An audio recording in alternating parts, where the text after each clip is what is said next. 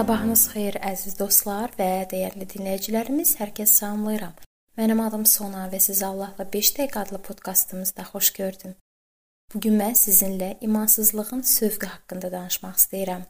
Bir çox imanlılar təsdiq edə bilərlər ki, onların Allahla çox parlaq bir ibadətlə başlayan səyahəti daha sonra adi hala çevrilir və Allahın əlinin müxtəlif hərəkətləri getdikcə azalır. Nə vaxtsa biz imanlılar fikirləşirik.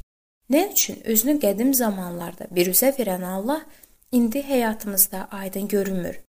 Niyə o insanlara, hətta Qabil kimi günahkarlara şəxsən müraciət etdi?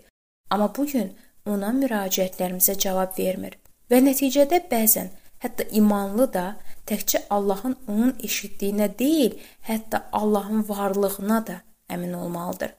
İnanc böhranı yaxud da yaxşı desək, imansızlığın sövqü.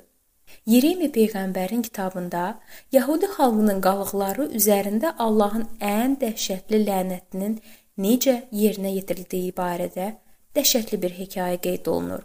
Ən dəhşətlisi. Çünki o insanla Allah arasındakı əlaqəni tamamilə məhv etdi və Allahın insandan əbədi ayrılmasının prototipi idi. İkinci ölüm ondan sonra verilmə. Levillər kitabının 26-cı fəslində Rəbb xalqının Allahın qanunundan yayınmasının nəyə gətirib çıxaracağını göstərdi. Xəstələnəcəksən, düşmənlərin önünə düşəcəksən, torpağın bəhrə verməyəcək, vəhşi heyvanlar insanları və mal-qaranı öldürəcək.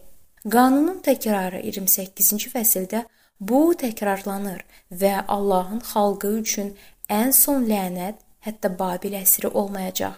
Bundan sonra onlar Yerusəlimə qayıda biləcəklər. Ən son lənət Misirə qayıtmaqdır. 586-cı ildə Yerusəlimin dağılmasından sonra sakinlərin çoxu Babilə əsir götürüldü. Lakin Yeremiya da daxil olmaqla yoxsulların kiçik bir hissəsi üzüm bağlarına və zeytun bağlarına qulluq etmək üçün qaldı. Onların üstündə Gedaliya var idi. Bir müddət sonra həyat yaxşılaşmağa başlayanda indi desəydik çevriliş baş verdi. Yahudiyadan geriyə qalanda Babilin gücünü təmsil edən Gedaliya öldürüldü. Babil hakimiyyətləri qarşısında olduqca cəlbedici görünməyən yeni liderlər Yohanan və Yezaniya və onlarla birlikdə bütün xalq hakimiyyəti zorakılıqla dəyişdirildiyinə görə Babililər tərəfindən cəzalandırılmamaq üçün Misirə getməyə qərar verdi. Düzdür, onlar yenə də Yeremi peyğəmbərdən fikirlərini soruşdular və eyni zamanda dedilər: Allah nə desə biz onu qəbul edəcəyik və yerinə yetirəcəyik. Allah Yeremi vasitəsilə onların Misirə getməsinə icazə vermədikdə, onlar dedilər: "Yalan deyirsən. Yeremiya, Rəbb səni göndərmədi." Və hamısı Allahın peyğəmbərini götürərək dağılmış Yerusəlimi tərk etdilər. Artıq Misirdə Yeremiya yenidən xalqa qayıtmaq üçün müraciət etdi. Onlara qanunun təkrarı 28-də Allahın sözlərini xatırladır. Lakin onun sözləri qəbul edilmədi. Bundan əlavə xalq ona belə dedi.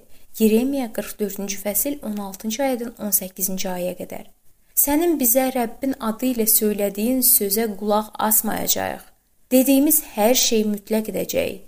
Göylər mələkəsi ilahiyə buxur yandırıb içmə təqdimləri verəcəyik. Bir zamanlar bu işi biz atalarımız, padşahlarımız və başçılarımız Yahuda şəhərlərində, Yerusəlim küçələrində etdik. O zaman çörəklə doyur, uğur qazanır və heç bir zərər görmürdük. Göylər mələkəsi ilahiyə buxur yandırmağı, ona içmə təqdimlər verməyi dayandırdığımız vaxtdan bəri hər şeyə möhtac olduq. Qılınc və aclıqdan həlak oluruq. Bu Allaha tam bir fasilə idi.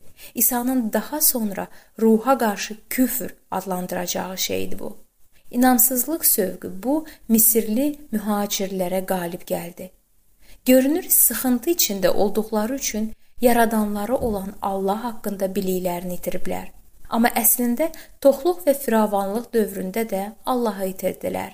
Eyni ilə bu gün imanların Rəbbimizə imanını itirmə təhlükəsi var. Həvari Paulun Demas adlı yoldaşlarından biri kimi İndiki pis dövrü sevmək. Paulo məktublarında onun adı 3 dəfə çəkilir. Filimona məktubunda o əməkdaş kimi xatırlanır. Kolossillərə görə o sadəcə olaraq Demasdır. Timotey isə Rəbb indiki dövrü sevərək onu tərk etdiyini bildirir. Əziz dostlar, əgər siz Rəbbə inanmısınızsa, Rəbbin şəxsən sizin üçün necə xeyirxah olduğunu dadmısınızsa, onunla əlaqənizi kəsməyin. Xüsusən də həyat rəvan gedirsə və heç bir problem yoxdursa, ondan dəstək axtarın. Müqəddəs kitabı öyrənmək və dua etməklə onunla münasibətinizi möhkəmləndirin və o şübhəsiz ki, sizi dəstəkləyəcək ki, siz ən dəhşətli sınaqlara, imansızlıq sövqünə düşməyəsiniz.